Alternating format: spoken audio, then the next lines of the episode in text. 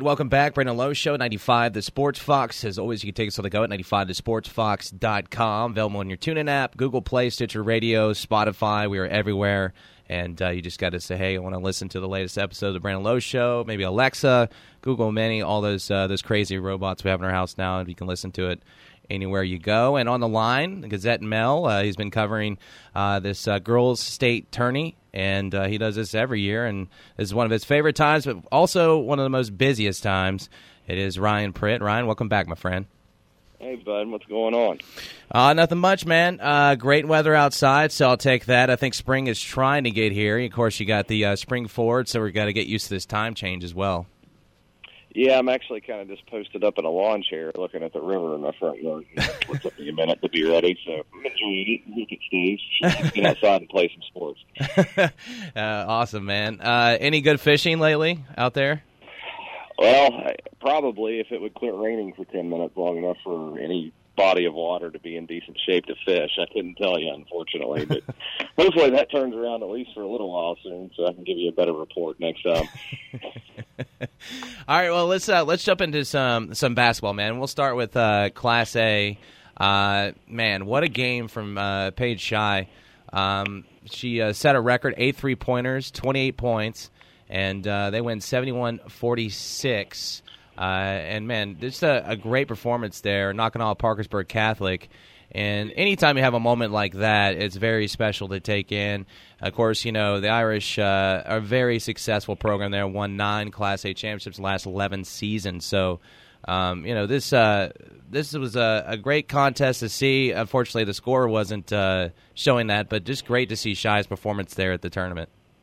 Yeah, and, you know, Coach Shannon Lewis in the post-game press conference, I think it was Friday actually, after his semifinal game, said this was the deepest team he's ever had. Which, as you just mentioned, to win nine out of eleven of the last state titles and actually have been in the championship game of the other two, he's had some decent squads over the last decade or so. So they kind of showed that, and I think that's what the difference was in that AAA game. And they kind of did it in the semifinals too. Wheeling Central played really tight with them for about a half, and then they just hit the gas there in the third quarter, and they're so talented. I mean, you're talking about a team that beat Parkersburg by 18, so once they decide to go, it's really hard to keep up with them. And like you, you mentioned there a minute ago, Shaw setting a, a state record there, a state tournament record, I should say, and she was terrific yesterday. And you know they got a kid named Bailey Atkins who will be back next year, who's just kind of one of those do it all kids, their best defender, and she was all over the floor yesterday too. So or Saturday, I should say. See, I've already messed my days up, but um. no, that, it was a great performance with St. Joe. They're a great team, and uh, yeah, it was fun to watch Paige Shy go and watch the crowd kind of react to everyone that she hit. Yeah, certainly. And you look at uh, the advantage they had in bench points as well. If you talk about the depth there, um, a lot of high school programs, especially at the Class A level, don't have that type of depth. So for them to have that is definitely an advantage for a, a program like St. Joe. Yeah, absolutely, and it was a big difference in both the semifinal win over Central and then the one over Parkersburg Catholic Saturday. It's just like you said, single A especially depth is very valuable, and for St. Joe to be able to go eight, nine, ten deep, it was just too much for anyone to handle. Irish made 12 threes as a team. It accounted for nearly half their 26 field goals. That's pretty impressive. Yeah, it is, and you saw a lot of perimeter shooting down there this week, and you saw a lot of great defenses. It was hard to get to the lane, and that's forcing teams to kind of shoot the, three there. That's something we see across all levels of basketball in uh, the modern times, and uh, give St. Joe credit. They took credit or took advantage of what they do well, and they showed it all week. Congratulations to St. Joe again. Um, how are these two teams looking next year as far as you know, uh, girls leaving Parkersburg Catholic, both Parkersburg Catholic and St. Joe? What do these teams kind of look like next year? You know, we we mentioned a minute ago, St. Joe's been to 11 straight state title games, and they lose a couple big ones, but that has never really slowed them down before. Um, they just have a such an influx of talent down there. They'll, they'll lose Dina Gerald and Paige Shaw. Shaw will go on to play at Marshall. Gerald is going to play at Tennessee Chattanooga, I believe. So obviously two really big losses there. Um, but I expect St. Joe to be around. I, I don't think that's going to be a problem. And Parkersburg Catholic's a really young team, actually. Um, they, they should be right back there again. You know, they kind of made it last year to the state tournament undefeated, starting a lot of freshmen. This year they took another step, and I expect them to be right in that top two again next year. Congratulations again to uh, to St. Joe there winning another state title. Let's move over to Double A Fairmont Senior Wyoming East. We talked about this leading into the game about both these squads. Generally, obviously, everybody uh, was high up on Fairmont Senior to be the favorite, but we know Wyoming East and their history uh, of uh, making appearances there and making a run in the state tourney. And uh, Fairmont Senior actually fell behind in this game, seventeen to three in the first six minutes of that game. What was kind of the uh, kind of the feeling in in, in that arena once they fell down?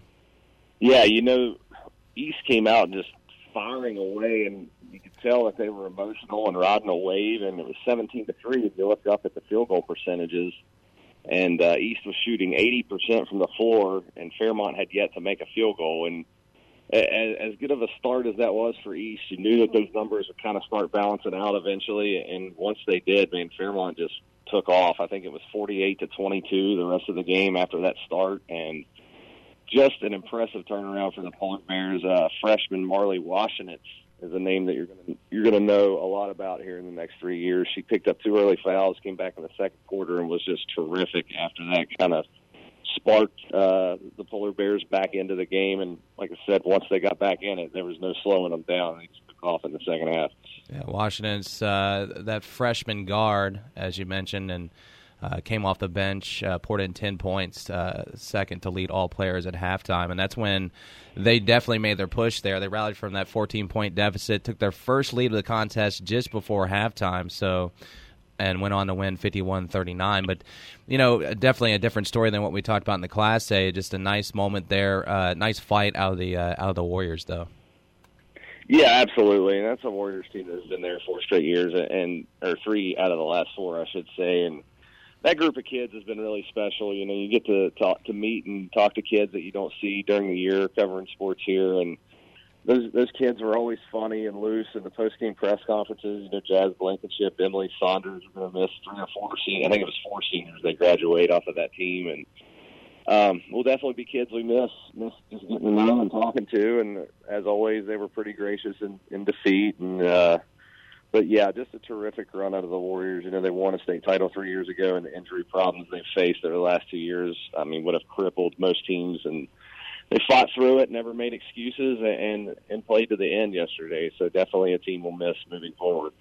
Despite the hot uh, shooting, like you said, of uh, Wyoming East in the beginning, they were held to 10 field goals, including five of the final three quarters. So uh, the defense definitely for the Polar Bears uh, got a little a little more stingy, I guess you could say, and they shot just 23% for the contest. So, uh, but to elaborate on that, Washington's uh, kid, 18.7 steals, eight for 16, grabbed five rebounds. It's just phenomenal uh, having a freshman able to do that for your team. And not only that, they switched her uh, once she came back into the game in the second quarter. They switched her over to guard East point guard Skylar Davidson, who's a young player in her own right. I think she's a sophomore, and that really freed up some defenders from Fairmont to kind of get out on these shooters, and the job she did, kind of locking them down in the first in the in the half court set, really made a difference in the second half. All right, what's next for uh, these two teams? Fairmont Senior, are they uh, reloading? Uh, Wyoming East, what? How these teams kind of looking next year? You know, Double A is pretty interesting when you look at it that way. Most of the teams there lose some big seniors. Um, and we were kind of talking about that at one point uh, among who we thought maybe will be the favorite next year Double A. I kind of look at a team like Lincoln, who returns all five of their starters, um, and and made the state tournament this year. You know, Fairmont loses Anissa Jordan, Courtney Wilfong, Abby Faulkner, some big parts of their team. Like I said, East loses four seniors. And I think coming into the Double A tournament, we kind of thought that was the field that might be up for grabs, and I think next year it may be even more so. So it's definitely something to watch as we head into next year. Join us here on the Brandon Lowe Show. We got Ryan Pritt, Gazette Mel. He was covering that uh, girls' state turning this past week, and of course, we now have our state champions in each class. Let's move over to Class AAA. First 26 minutes of uh, of that game. University uh, put it to Parkersburg a little bit. They were hanging in, but uh, ultimately Parkersburg repeats as state champions. They went on that twenty to ten run, and over the game's final seven minutes and ten seconds, and they win sixty three to fifty two. And as I mentioned, repeat as state champions. Yeah, you know, I don't think many of us there expected University to kind of hang like that, and um, you know, they put on they held right with them. Actually led at halftime, 37-35, and you just kept kind of waiting for Parkersburg to take off on their run like they usually do. And and credit the Big Reds. They did when they had to. That's another team with really, really nice depth. They had a couple of big plays from bench players. Um, Kristen Lowers is a freshman who came up with a steal and a bucket right at the end of the third quarter to push Parkersburg out to a four point lead. And that was just a huge play in that game. After that, you mentioned the run started. And, uh, yeah, as good as University was, just, just depth and too many, too many weapons for Parkersburg in the end. Uh, Bree Wilson pours in 27 points and uh, 6 of 10 from three point range. I feel like we got a, a couple of Reggie Millers out here in this tournament, uh, Ryan. Uh, everybody seems to be shooting, do that reference for you since you were, uh, Reggie was your favorite player there, but uh, it seems like everybody was shooting well from three point range. Yeah, but, you know, she, Bree Wilson was hitting threes from all over the place and really early in the game, University jumped out 10 to 3, and she hit a couple and hit four in the first quarter that really kind of sustained to do. Just what she was able to do as Parkersburg's third leading scorer, it was impressive, and she was invaluable in that game for sure. Great uh, to see uh, a team repeat too. That's uh, that's no uh, tall. That's a tall task to you know.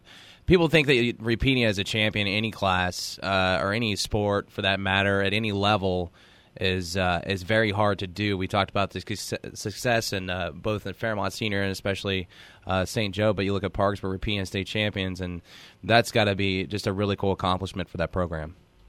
Yeah, it is, and you know they were kind of they spent the whole season kind of asserting themselves and, and claiming their spot at the top, and it was a really really dominant run for them this year. What they were able to do was was pretty remarkable. I mean they beat South Charleston by 16 in a semifinal. That's the closest game they played against the Mountain State Athletic Conference team all year. And um, yeah, just really, really impressive stuff out of Parkersburg. Is very deep, very talented, and they're not going anywhere for a while either.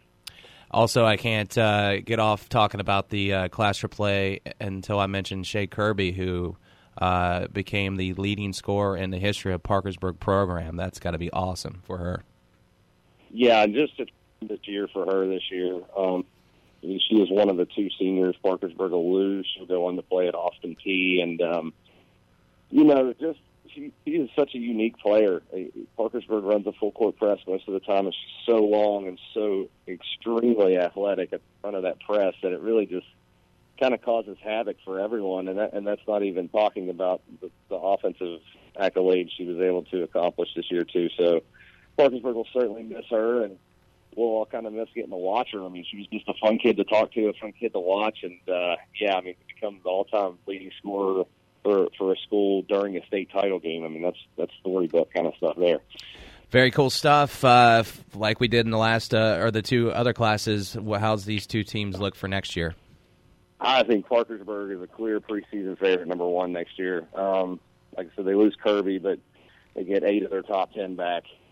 And uh, know, you've got Maddie Mason who come back for those senior years. Mace, Mace probably should become school's leading scorer next year, close to Kirby now. So this is just the start of something for Parkersburg. I mean, a couple of good freshmen on that team, like I said, Lowers, and, and uh, been talking to Coach Scott Cousins. They've got a couple coming up from eighth grade that are really good too. So um, I, I look for Parkersburg to be right back at the top next year. All right, uh, let's get into some of these uh, these big stories, and obviously I'll give you a chance to talk about the uh, the all tournament and selection and stuff that uh, everybody's kind of talking about right now. But this big news, uh, this landscape of uh, high school hoops could have a huge change. They're looking to add a fourth classification in 2021. Proposals a two year test run for basketball only uh, that's coming from Bernie Dolan, the executive director of the WVSSAC. And the vote will be held April 2nd at the SSAC Board of Control. If passed, uh, it'll be sent over to the Board of Education and basically wait there. I think you said 60 days, correct? And then the, if it did get passed, and uh, and so kind of break down what this would involve because I know you talked about confirmed the four of the eight Class A private schools would likely move up to larger classes, remaining Class A. Um, so that'd be like great, Greater uh, Beckley Christian and uh, Madonna, Parkersburg Catholic, and Trinity would be remaining Class A. But what is basically, in layman's terms, of this whole proposal? What are they looking to do as far as adding this uh, this this fourth class? You mentioned the private schools there, and I don't think anyone's uh, naive enough to, to think or say that that isn't a part of what's going on here. And, and you know, in the end, I, I think it's it's just the SSAC trying to add some more factors to where teams are classified other than school enrollment. Um, you know, you bring, uh, sorry, Dolan brought up a good point that it's not just about enrollment; it's also about where you're at. I mean, if you're in a in a city like Wheeling or let's say Charleston Catholic, obviously there's a single A school, your enrollment's down, but you have a, a much better kind of choice of athletes in the area than than you do if you're say a public single A school somewhere out in the county somewhere. So it adds other factors into where schools are classified, such as where they're located, kind of the economic status of where they're located, and, and then we will, we will kind of group them all up. You said they would list them one through, I think it's 124, and then break them down into four classes after that. So Mean, that it would be a two-year test for basketball only, with the, with the potential of, eventually just overhauling sports in general, I guess, in West Virginia. So it's a huge initiative and it's a huge thing to watch because it completely changed how we compete in high school sports in the next 10 years. Dolan said 70% of your score would come from enrollment, 20% from location, whether it's location to a city or a county seat. The last 10% is a combination of economics of the county and students enrolled. So that kind of breaks it down there, too. And that competitive balance committee of 18 people uh, from public and private schools as well, they formed this proposal. So uh, it'll be interesting. I'm going to try to actually probably get uh, Mr. Dolan on the show, and maybe he can also elaborate more on that as well. So I'll be looking forward to that conversation. And it's pretty pretty exciting to kind of see some of these changes. Do you think if this works out in basketball, do you think this is the type of thing they're going to look at as far as other sports like football? You know, football is the one sport that that they were kind of hesitant on, and and that's for travel reasons, and there's other reasons behind that. But as far as the rest of the sports, yeah, I believe that this while they're trying this now in basketball, it, the proposals for your run, and that will directly how that goes will directly affect whether that that new system's implemented across other sports or not. Um, at the end of that two-year period, they would re-examine how it went and either decide to maybe phase it into a sport or two, or make it across the board. Those, those are decisions that will still be yet to make, be yet. Can't talk. Uh, will be yet to be made, but um, yes, it, it that is the initiative, and that's why it's here is is to look at all sports. All right, then finally, let's talk about this. Uh, you put out an article uh, recently, your last uh, piece, talking about the uh, the selection process of the uh, all tournament teams in the classes. Um, definitely getting. Uh, I mean, you're going to get it anyway. I get it. you know, opinions, different opinions. Some people agree, some people don't. But kind of describe, you know, what you wrote in there, what you meant by it, and and what you'd like to see change as far as selecting the the all tournament teams.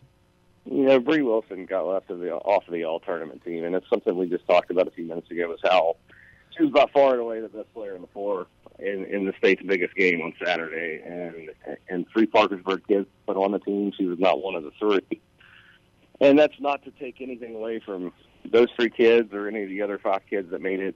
You know, all those kids had great tournaments. I understand that, but when you're talking about a kid that led the tournament in scoring and she doesn't get on the all tournament team, it's got to be a little bit head scratching for everyone. And you know that process, I get a vote. All the media people on on pressure get a vote, and a lot of us are there um, all week watching these games and kind of have a better perspective of who's done what across the three days. Now, everyone else with a vote, I can't say that for sure. I know there were some some ballots turned in before the championship game even happened, which you know to me how you can possibly vote on an all tournament team without taking the most important game into account, I will never know. But you know, there's just there's just some things we need to re-examine who's voting in these exactly. Um, when these votes are turned in, I mean, I, I don't think you should be able to turn in a ballot until at least halftime of the championship game, but and, and just things like that. But you know, hers is hardly the first case ever. I mean, also from Wyoming East averages a double double and didn't get on the double A team either, which